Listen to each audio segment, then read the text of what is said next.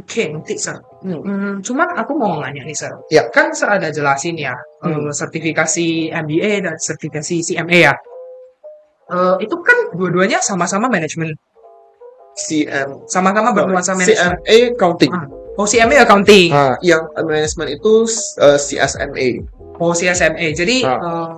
eh, oke, mungkin aku tanya dulu, Sir. Ah. Jadi dari kedua sertifikasi, mungkin keempat sertifikasi itu ya, Sir. Hmm. Eh, mungkin Sir bisa klasifikasi mana yang akuntansi, mana yang manajemen.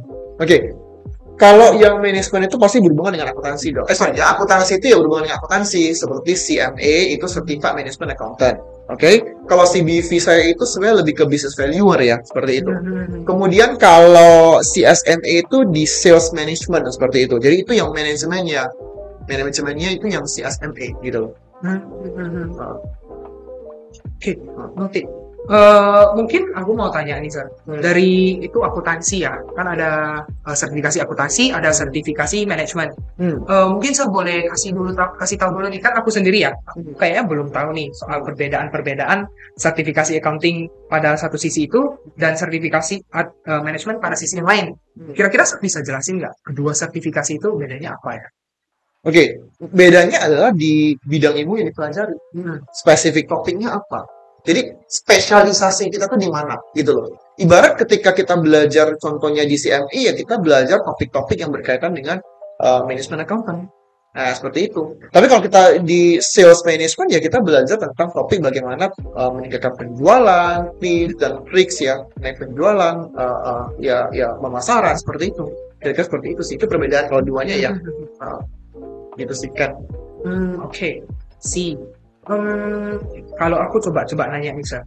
Nah, dari Sir ada pertanyaan nggak buat aku? Kayak misalnya nih, aku kan posisi sebagai seorang apa ya S1 yang sedang menempuh pembelajaran akuntansi. Hmm. Nah, dari Sir, kalau Sir lihat ya, Hmm. aku cocoknya itu maksudnya di mana ya? Di manajemen atau akuntansi? Nah, ka- kalau itu sih harus kembali ke Kendricks ya. Hmm. Maksudnya kamu tuh pribadi lebih minat di mana? Kan ini kamu kamu udah tahun berapa nih? Tahun kedua. Eh, tahun kedua, Tahun kedua semester berapa? semester 4. empat. Masih semester empat lah. Iya. Belum masuk konsentrasi udah. Oh, belum. Nah, harus tahu dulu nih kamu konsentrasinya nanti mau di mana. Hmm. Nah, udah dari sana, kadang-kadang ada yang begini. Jadi begini. Satu hal yang menarik saya melihat ya untuk mahasiswa di Indonesia, dia bilang gini. Ada mahasiswa saya bilang begini. Pak, saya kan konsentrasinya perpajakan. Ya udah, sertifikasinya saya ambil yang lain gitu loh.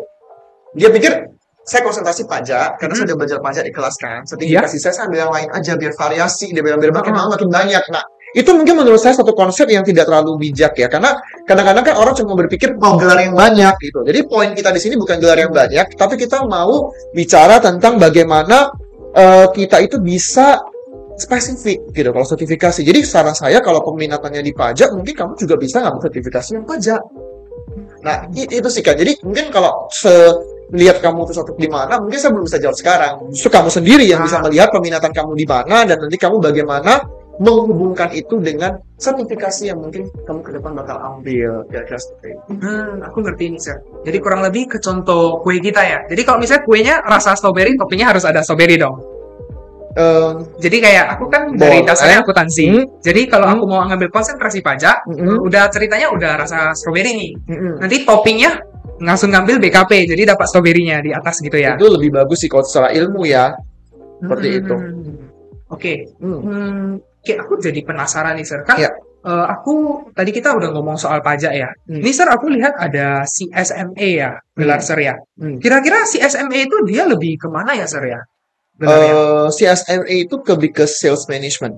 Sales management. Ya, jadi ke penjualan, bagaimana cara kita memanage ya. Eh, kebetulan saya juga instruktur di program CSMA-nya sendiri ya. Eh, dan di situ tuh akan diajarkan juga bagaimana teknik-teknik penjualan seperti itu. Jadi itu lebih ke eh, sertifikasi dan penjualan sih, kalau saya boleh simpulkan. Oh, lebih ke penjualan. Tapi aku lihat ada satu lagi ya, CMA ya, Sir ya. CMA tadi yang management accountant. Iya, manajemen accountant. Itu kira-kira kalau aku mau ngambil CMA nih, aku rencana mau ngambil CMA. Eh, itu di dalamnya aku belajar tentang apa ya? CSMA kan kita belajar tentang sales. Hmm. Eh, ya, CSMA kita belajar tentang sales. Kalau Hmm. untuk CMA, itu pembelajarannya gimana ya? Soalnya aku masih susah nih Hmm. eh, bedain accounting biasa dengan manajemen accounting. Hmm. Jadi kalau manajemen accountant itu lebih ke level di mana kita itu bisa membuat keputusan berdasarkan eh, data keuangan yang dimiliki. Jadi kalau kita bicara akuntansi keuangan biasa nih, itu kan menghitung ya. Kamu tahu bikin jurnal, kemudian next to ledger, buku besar, laporan keuangan, itu mempresent datanya. Kalau manajemen accountant itu bukan present datanya, bukan melakukan pembukuannya, tetapi menganalisa sebenarnya. It's, sebagian dari uh, CMA itu belajar seperti itu. Misalnya budgeting, gimana, bagaimana analisanya, oke? Okay? Gimana cara kita melihat misalnya budgetnya sesuai belum, variasinya gimana. Contoh kita buat perusahaan gitu ya, di perusahaan perusahaan itu dia kepikiran mau bahan bakunya dia beli atau dia buat sendiri gitu loh misalnya. Nah, itu semua pertimbangan-pertimbangan yang kita bisa pelajari kalau kita ambil di uh, manajemen jadi how you going make, make decision gimana kita akan buat sebuah keputusan ya terkait dengan informasi keuangan. Seperti itu. Itu, itu di CMA. Kalau CMA seperti itu. Hmm, bisa.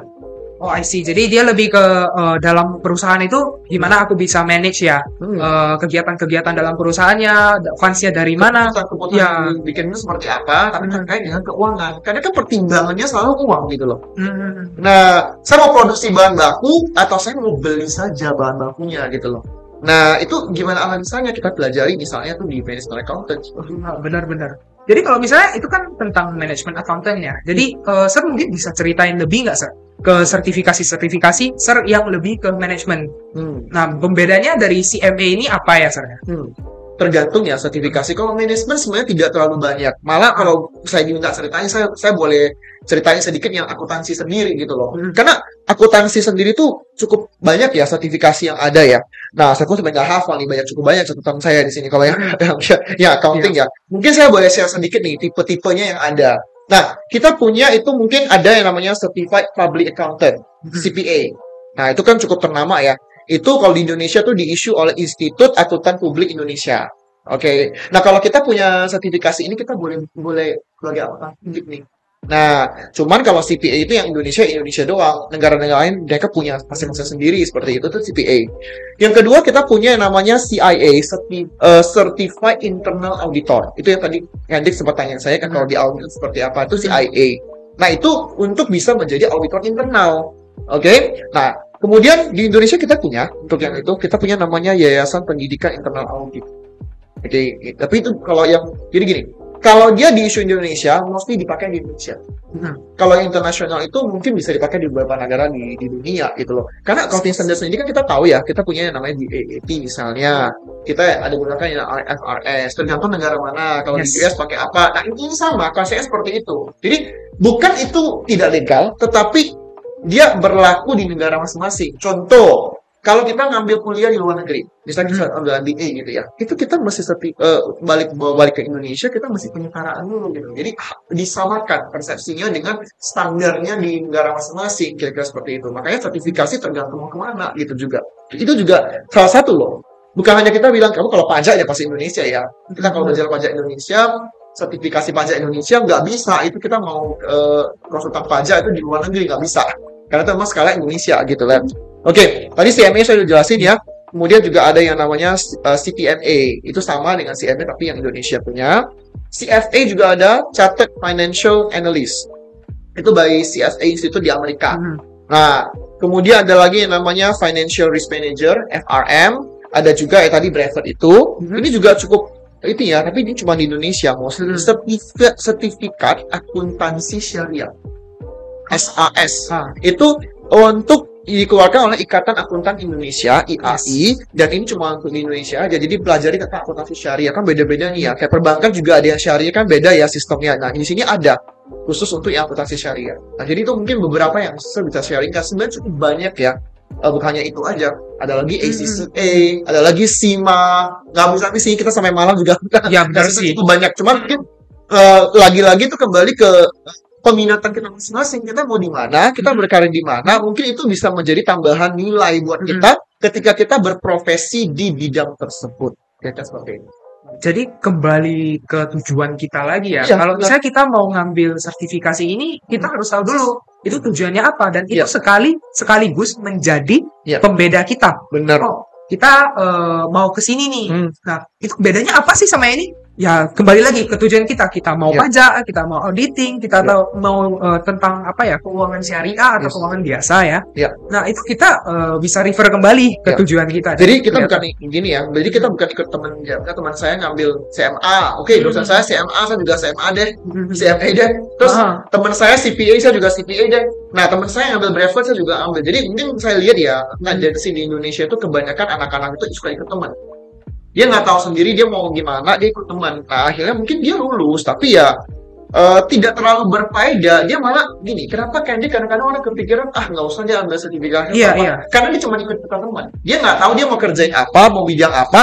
Karena ikutan teman, akhirnya dia merasa sertifikasi yang diambil, effortnya itu usahanya, upaya sia-sia Iya. karena nggak nggak nyambung gitu nggak match dengan apa yang dikerjakan itu ya menurut saya sangat penting sekali harus tanda kutip itu nyambung gitu loh setuju banget sekali dengan apa yang kita kerjakan gitu loh bukan cuma sekedar ambil gitu gitu sih Hmm, kalau dari setuju saya. banget. Dari aku setuju banget sih, Sir.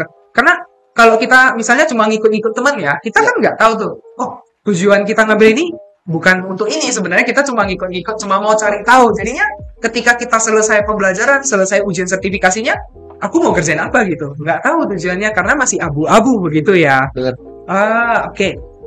Menarik banget. Cuman aku mau tanya nih, Sir. Hmm. Kan banyak ya Boleh. kita eh, ngomong soal jenis-jenis eh, sertifikasi akuntansi. Kira-kira kan dari Sir kan tadi pertama ada bilang ya, eh, kalau misalnya mau ngambil CMA ya itu harus lulus S1 dulu. ya mostly ya Hmm. dan dia ada pengalaman kerja kalau saya nggak salah ingat ya karena Iya. term and cukup banyak gitu Mungkin dari gelar yang eh, bukan gelar ya, dari ujian sertifikasi yang Sir bilang tadi ya, Hmm. itu kira-kira eh, in general secara umum Hmm. syarat-syaratnya itu apa aja ya? Apakah ada yang harus S2 atau S1 begitu Sir? Kayaknya kalau yang harus S2 nggak ada ya, kalau sertifikasi ya mostly kalau S1 lewat udah bisa. Ya, tapi lihat bidang juga. Misalnya gini kita mau ambil CPA sama sekali nggak punya pengalaman di bidang itu, yang mau ngambil juga nggak nggak nggak nggak bisa gitu. Bukan nggak bisa karena apa ya? Nggak nggak mungkin kita bisa sanggup eh, ngerjain ujiannya loh gitu loh. Karena kita harus punya basic eh, knowledge, pengetahuan dasar di bidang tersebut gitu. Nah, contohnya kita mau ambil S2.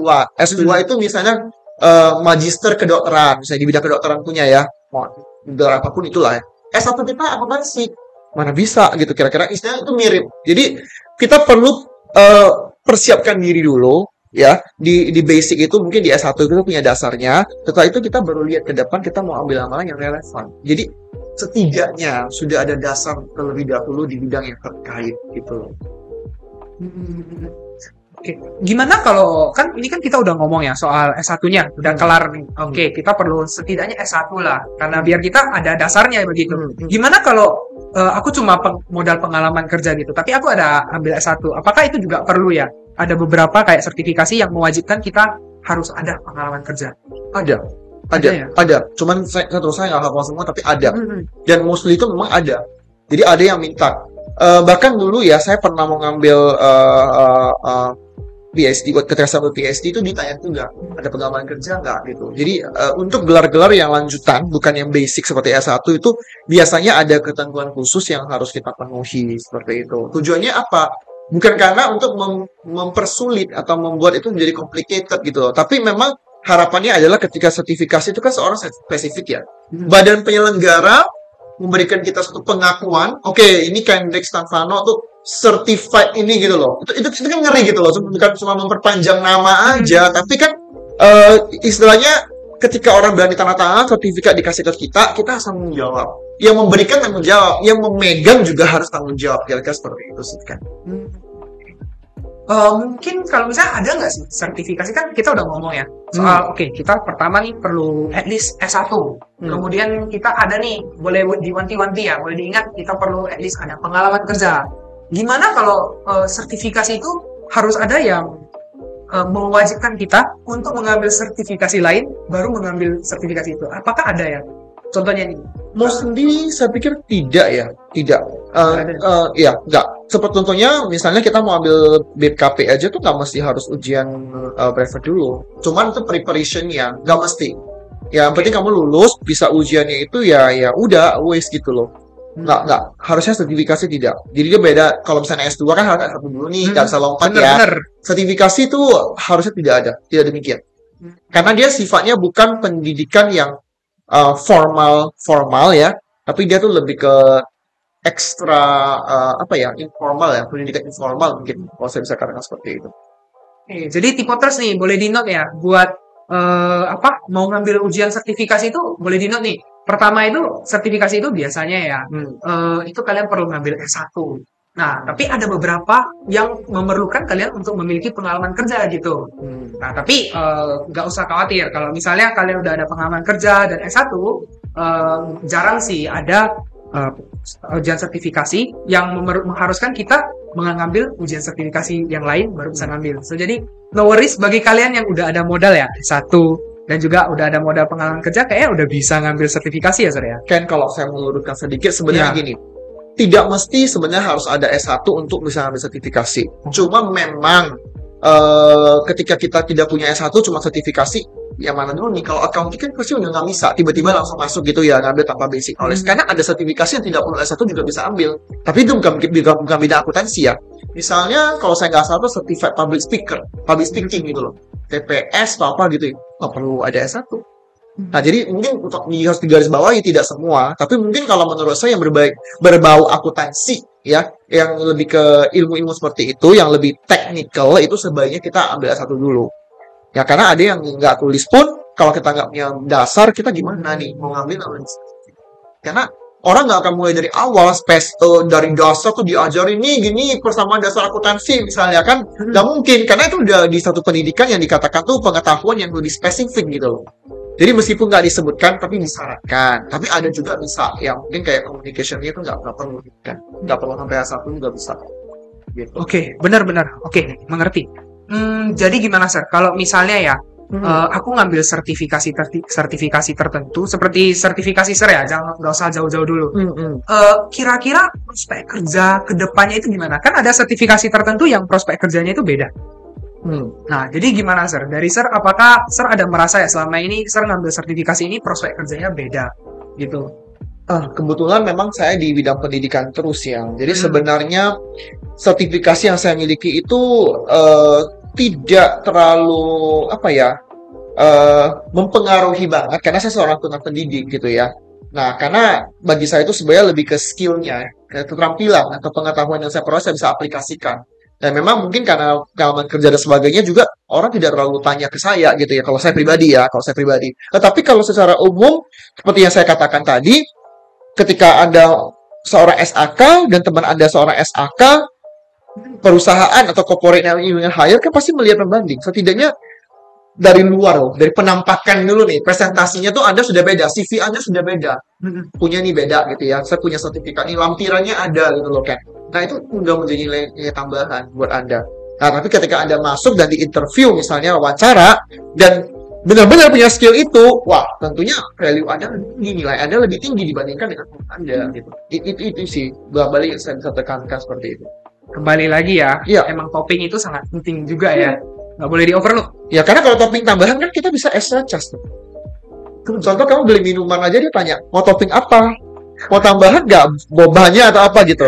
Cas nggak? Bar lebih mahal dong daripada yang plain doang. Nah itu itu sama. Meskipun sebenarnya ada perusahaan yang melihat itu sebagai keharusan dan ada yang mensyaratkan Nah, contohnya ACCA itu di dalam itu yang UK ya. Tadi saya nggak sebutin yang ACCA UK itu kalau beberapa perusahaan itu seperti Singapura dan di uh, Inggris itu mereka suka banget kalau kita akuntan yang punya pengakuan sertifikasi ACCA. Dan dia karena tulis syaratnya. Di sini sih kadang-kadang di persyaratan di LinkedIn kalau di mana tuh kan ada syarat-syarat itu bisa dilihat. Ada. Tergantung juga.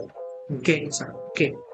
Nah, jadi kalau misalnya ya, aku ceritanya nih aku udah penuhi syarat-syarat nih buat mengikuti ujian sertifikasinya. Hmm. Aku juga udah merasa, ih, aku kompeten. Tapi gimana dong, Sir, kalau aku nggak lulus sertifikasinya?